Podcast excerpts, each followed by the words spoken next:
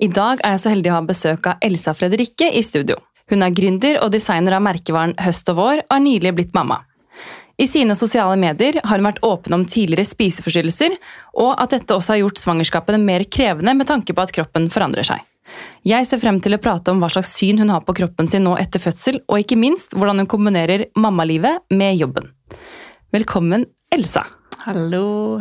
Så hyggelig å ha deg i studio. Takk, og takk for at jeg får lov å komme. Du, Det er veldig veldig hyggelig. Du er jo en av mine første gjester. Ja, så spennende. Det er veldig stas. Ja, Nå er det liksom nytt kapittel her, og det er gøy å ha med deg på, på laget.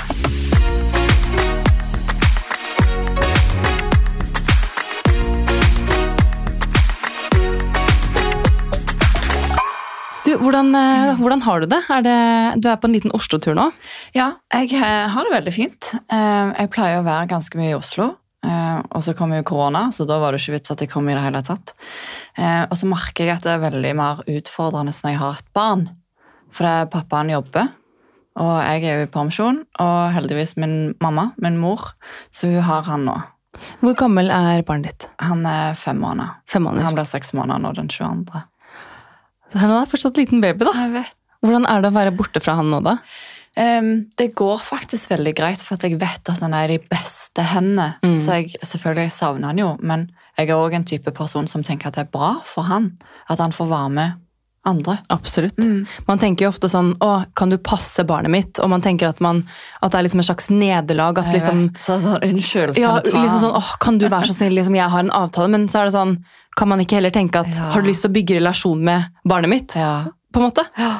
Jeg prøver å se sånn på det. ja, jeg vet det. Mor mi er heldigvis hun er helt fantastisk, så hun tar jo alt på strak arm. Så det er første gangen han sover der, da.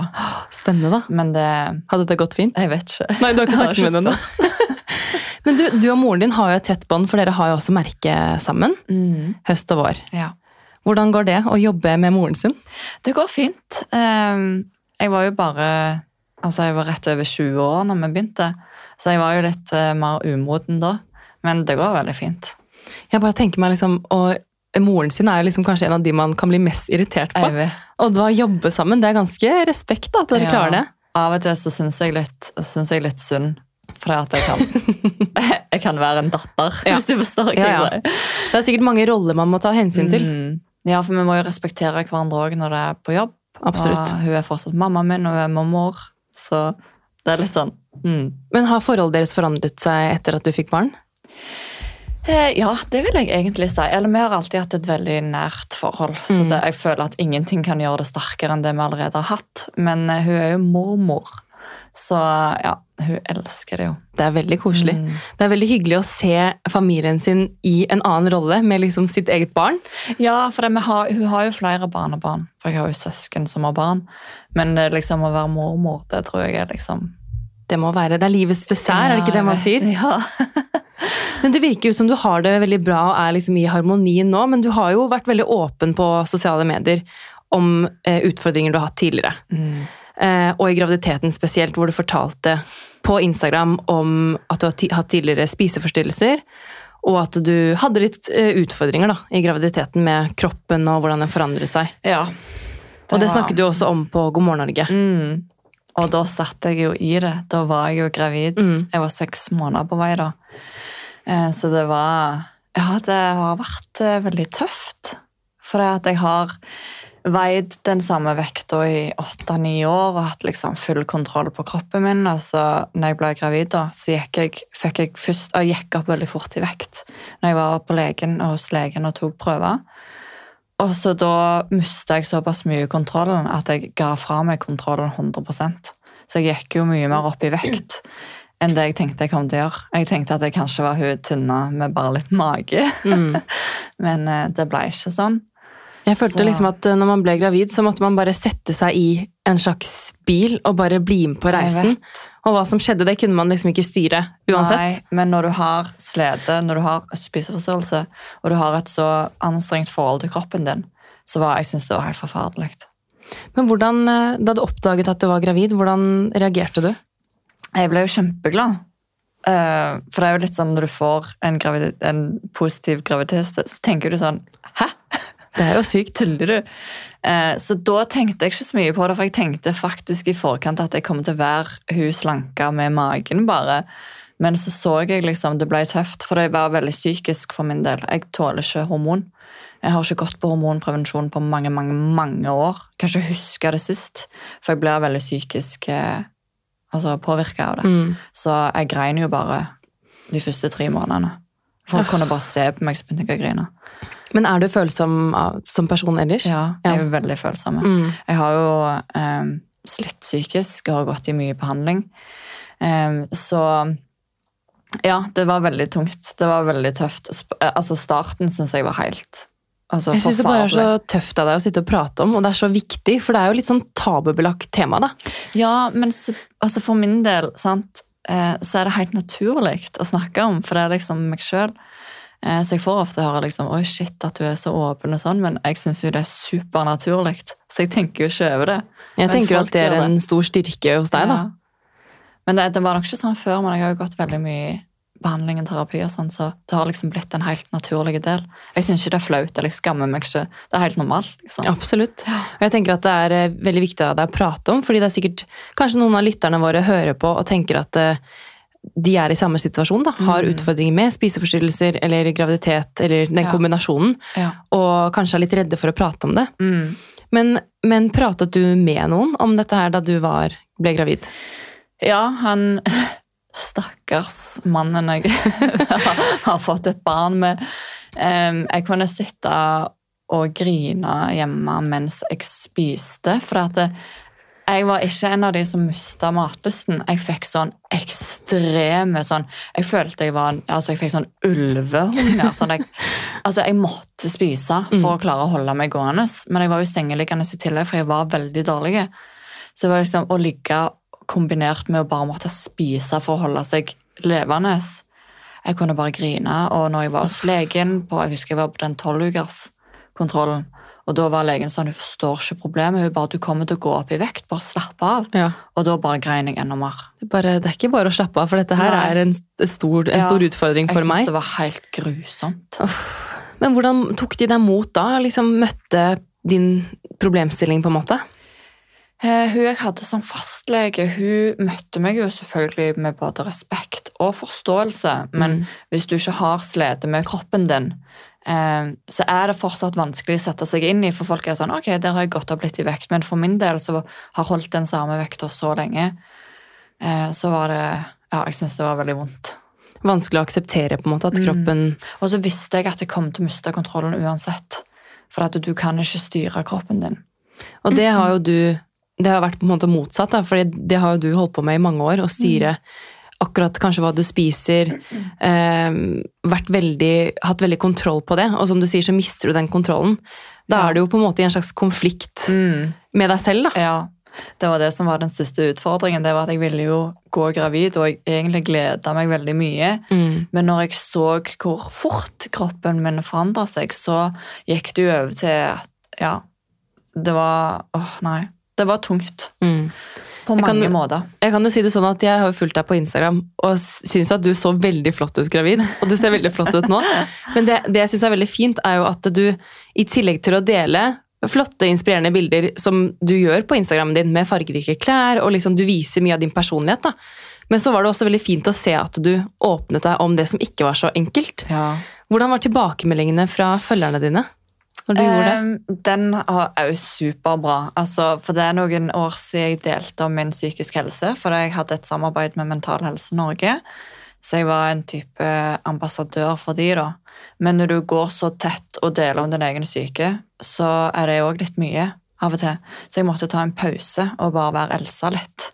For det var veldig fokus på å dele hele veien, og tanker skulle deles.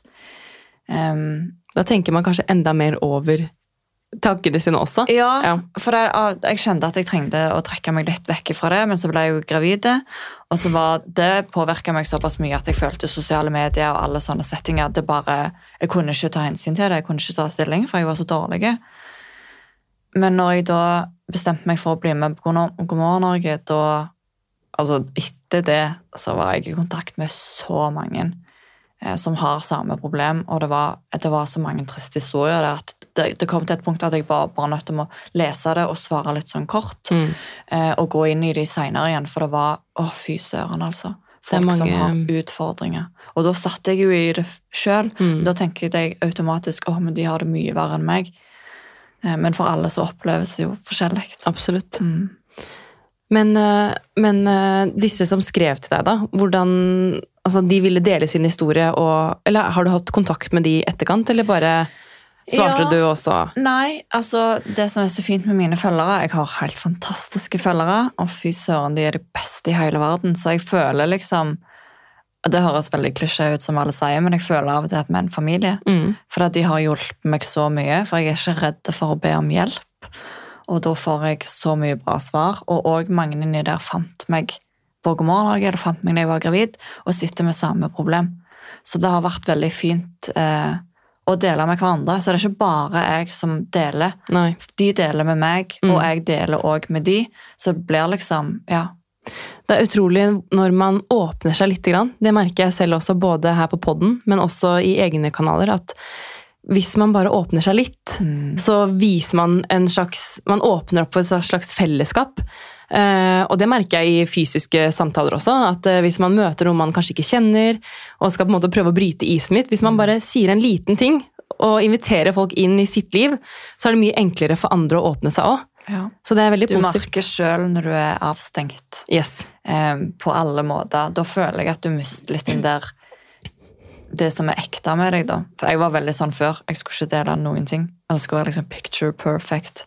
Men så bare snudde jeg om. Og så ble det ble så mye bedre.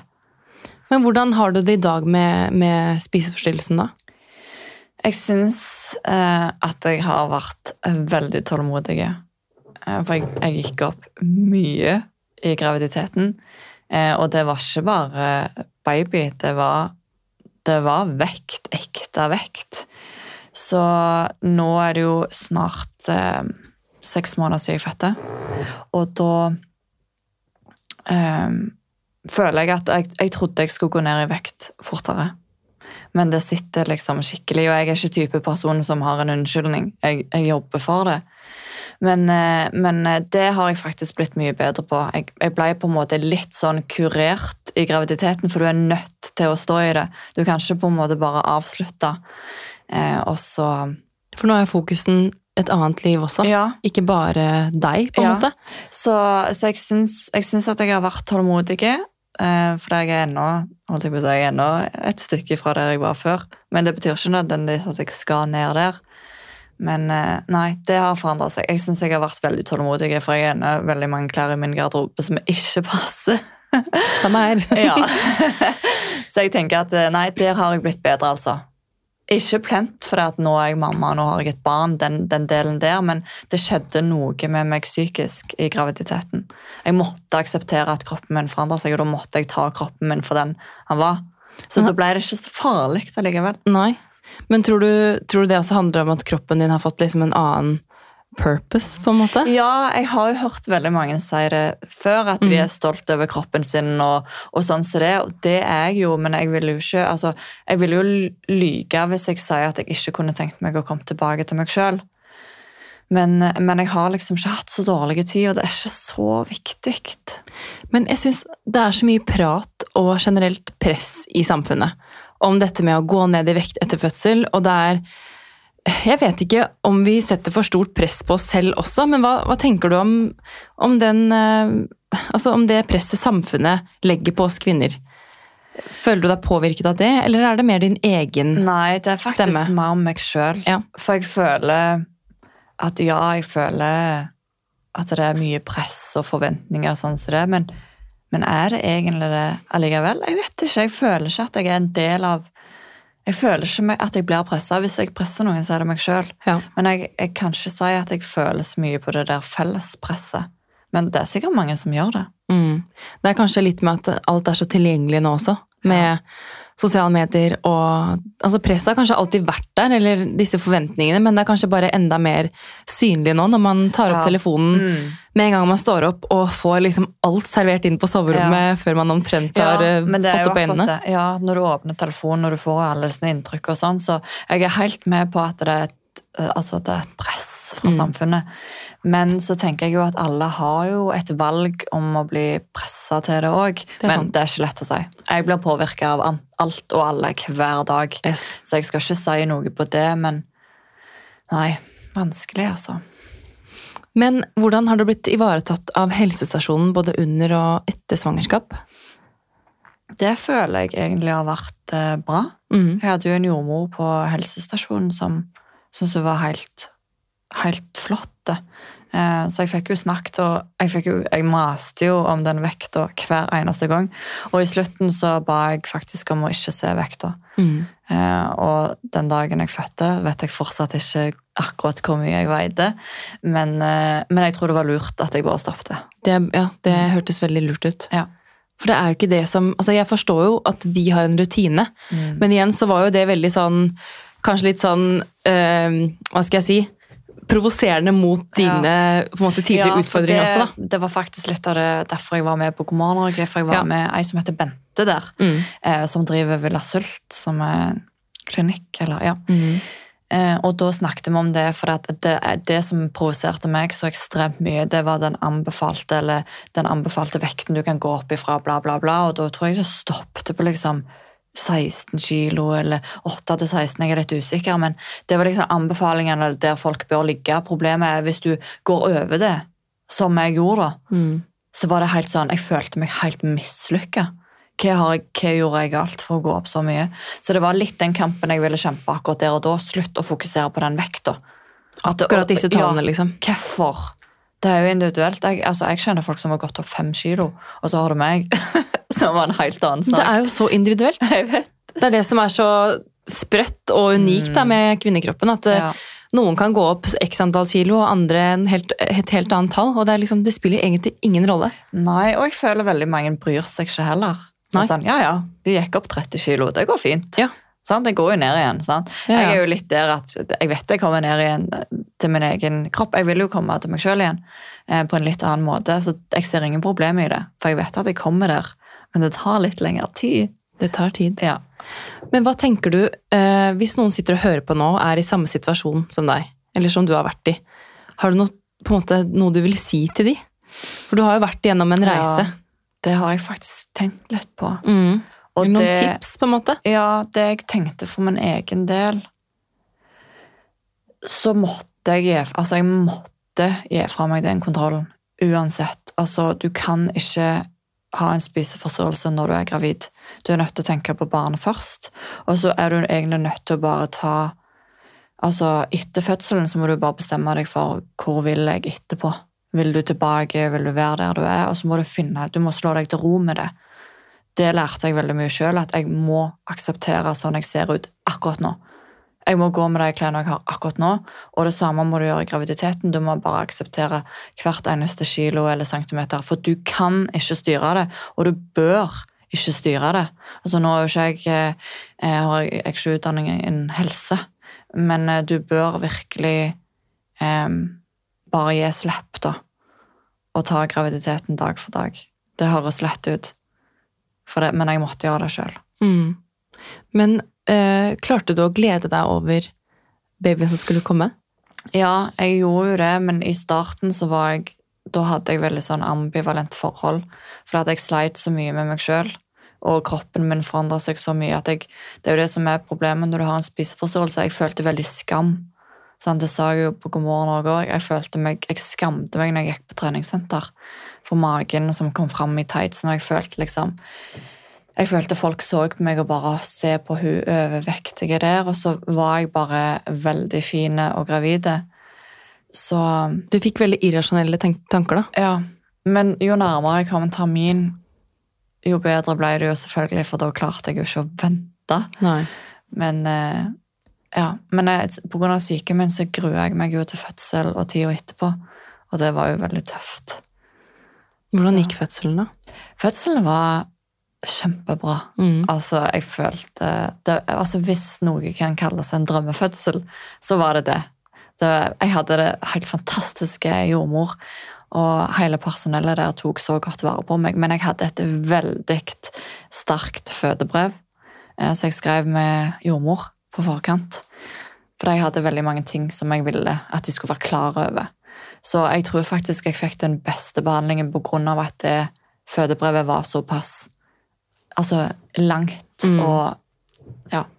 Du, så du hadde skrevet fødebrev som du hadde med og leverte da du kom? Det ble eller? sendt inn på forhånd. Ja. Så når jeg ringte inn til føden da at hallo, nå kommer vi inn, Mm. så hadde de lest altså, journalen allerede. Så de var veldig klar over hvem jeg var og hva jeg ville før jeg kom inn. Så det anbefaler jeg. Er ikke det normalt? Jo, jeg skrev Ja, fødebrev. du gjorde det. Jeg gjorde det, men jeg tok det faktisk ikke med. Nei. Fordi at jeg Jeg vet ikke, jeg også var veldig klar på hva jeg ønsket og hva jeg ville, og tanker om det ene og det andre. Men så var jeg litt sånn Vet du hva, nei, jeg må prøve å liksom slippe litt den kontrollen. Mm. Eh, og så tror jeg at jeg, jeg bare Jeg vet ikke, jeg hadde noen tanker om at det, det blir som det blir uansett. Og Ja. jeg vet ikke, jeg tror det var litt fordi jeg ikke hadde printer òg. så endte jeg opp med å bare ikke Men de sendte det elektronisk. Ja. Nei, jeg vet ikke. Jeg, jeg tror jeg bare endte opp med å tenke at eh, jeg får bare ta det som det kommer. Ja. Men eh, det er jo veldig fint når man har ting man veldig har lyst til å få frem. Mm. Uh, har du lyst til å dele noe om hva du skrev i fødebrevet? Ja, for at jeg skrev det ikke sjøl. Det var jordmor, men vi var jo innom temaet veldig mange ganger, og det var altså min frykt for å ikke få epidural. Mm. Altså, jeg var helt 100% innstilt. Jeg skal ha epidural. Eh, Og det fikk jeg jo, og det var jo helt fantastisk hjelpemiddel. Men òg det, pga. grunn av min psykiske helse, så var det egentlig veldig viktig for meg og babyen min og samboeren til å få enerom. Ja. For det å dele rom med andre når du er i den mest sårbare situasjonen i hele ditt liv um, det, Jeg grudde meg så mye til hele oppholdet, for jeg klarer ikke å dele rom med noen. Ja, så det var, det var litt sånn ting det at på grunn av syken min så var det veldig viktig at jeg fikk gode behandlinger, at de var klar over at jeg, jeg hadde problemer når jeg kom inn. Mm. Så jeg følte altså Fy søren for en behandling jeg fikk.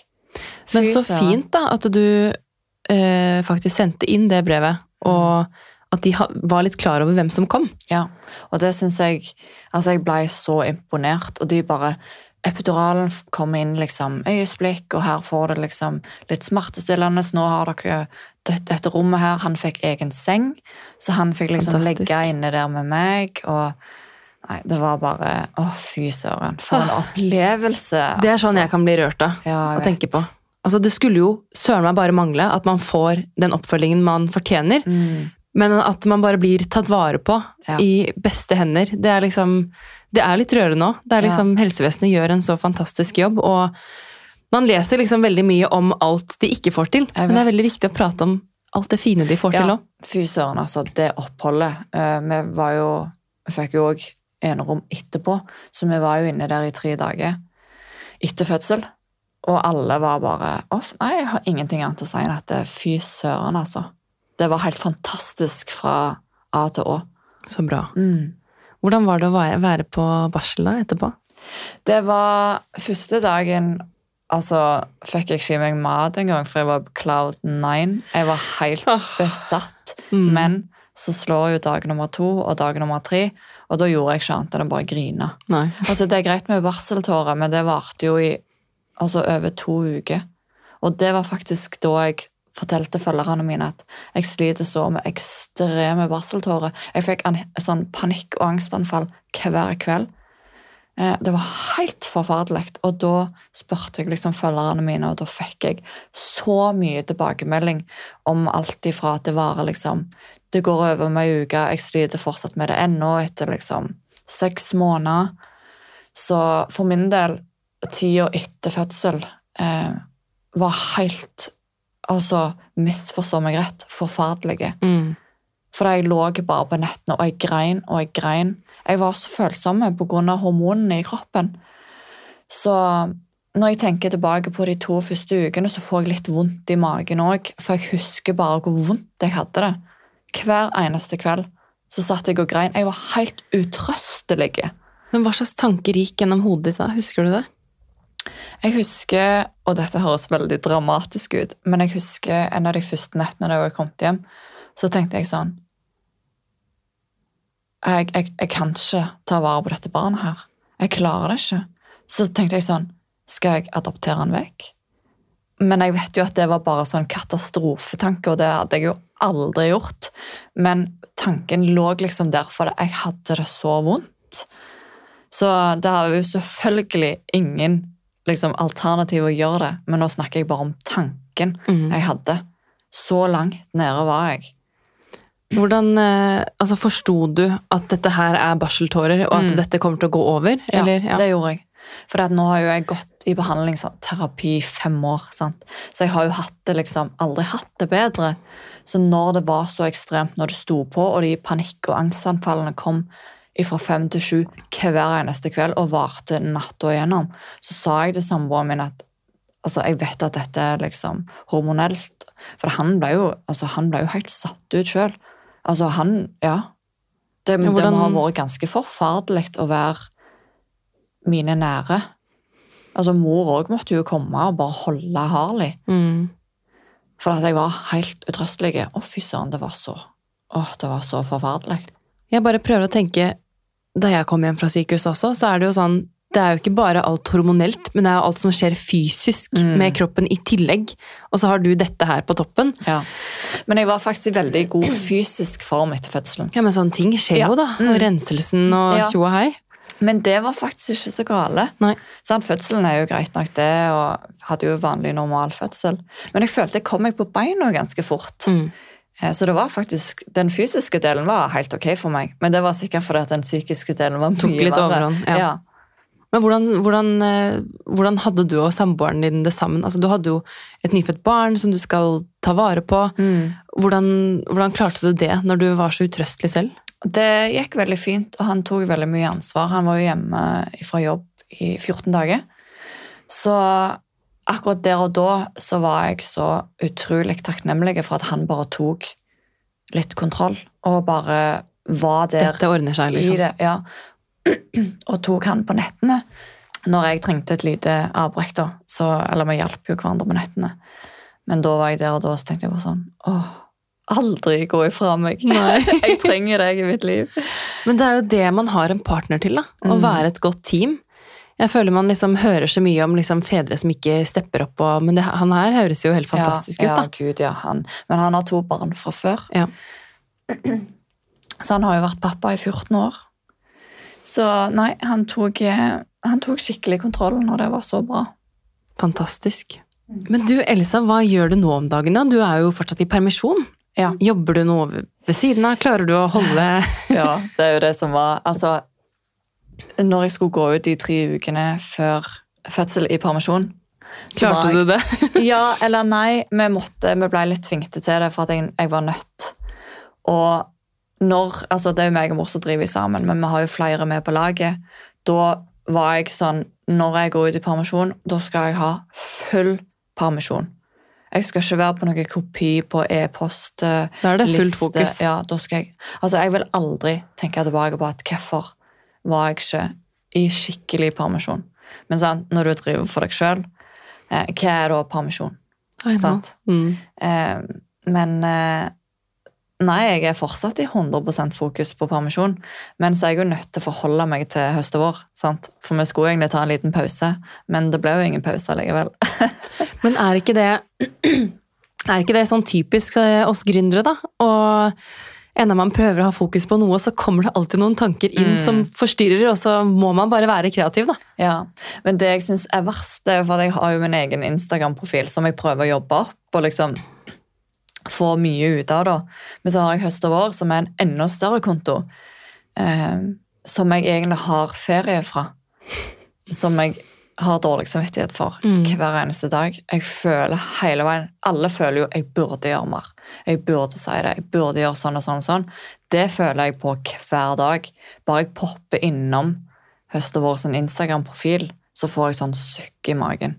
Du tenker alt du kunne ha gjort, på en måte. Ja, men så vet jeg allikevel med meg sjøl at jeg må holde meg vekke. For det var liksom et av mine neste spørsmål, da, hvordan det går å kombinere mammaliv med egen, egen merkevare. Nei, det, altså det er litt utfordrende, faktisk. For jeg har jo altså jeg har jo brukt veldig lang tid på å liksom komme meg inn i garderoben min igjen. Kan du tenke deg, Jeg har vært designer i alle år. Alle klærne mine som jeg har tatt vare på fra alle kolleksjoner, er jo i en størrelse som er en størrelse som jeg ikke passer nå. Så da har jeg, jeg har slitt veldig med kreativiteten. For å liksom gå ut og ta bilde og være mitt beste selv. Så For du er jo på en måte face of the brand også. Det er liksom Følgerne mine kjøper klær via meg, så jeg selger like mye fra min egen profil som høst og vår. Men høst og vår er på en måte litt mer glansbilde av bedriften. da. Litt mer kampanjebilder og Ja. For jeg, jeg mener jeg leste et sted at du eh, At liksom hele den reisen med, med høst og vår begynte med at du liksom satt og sydde klær og la ut på Insta, og så begynte du Ja. å selge der, Mm. og så ble etterspørselen rett og slett så stor at Ja. det, Det var veldig, det var veldig kult. Jeg, eh, som sagt, jeg har jo mor Mm. som har sydd og lagd klær i mange år.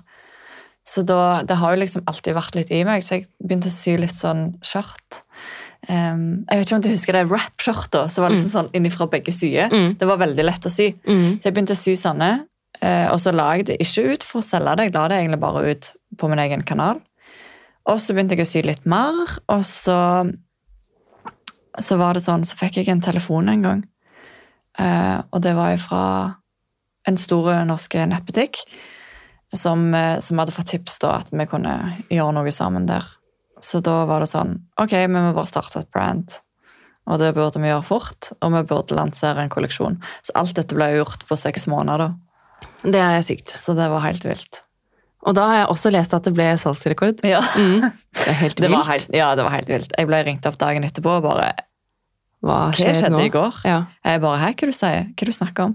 Nei, altså Du liksom hadde salgsrekord. Det er jo liksom Jeg tror det var 400 brands der inne, og du bare Wow. slo alle ned i skoene. Altså, de hadde ikke opplevd på en lanseringsdag at det skulle gå så bra, da.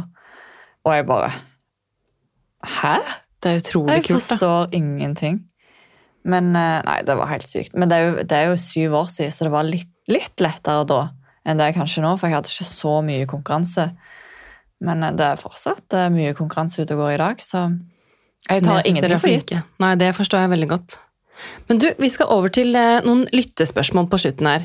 Jeg har jo flettet noen av de inn i samtalen, og vi har egentlig Mm. pratet om en del av det lytterne lurte på, men det er jo noen ting som er på slutten her som vi ikke har snakket om. Og det er eh, noen spørsmål her. Ok, Så hun ene spør om hva er din go to matrett når du er lei av mat? Oi. um, den er god, Mm. faktisk.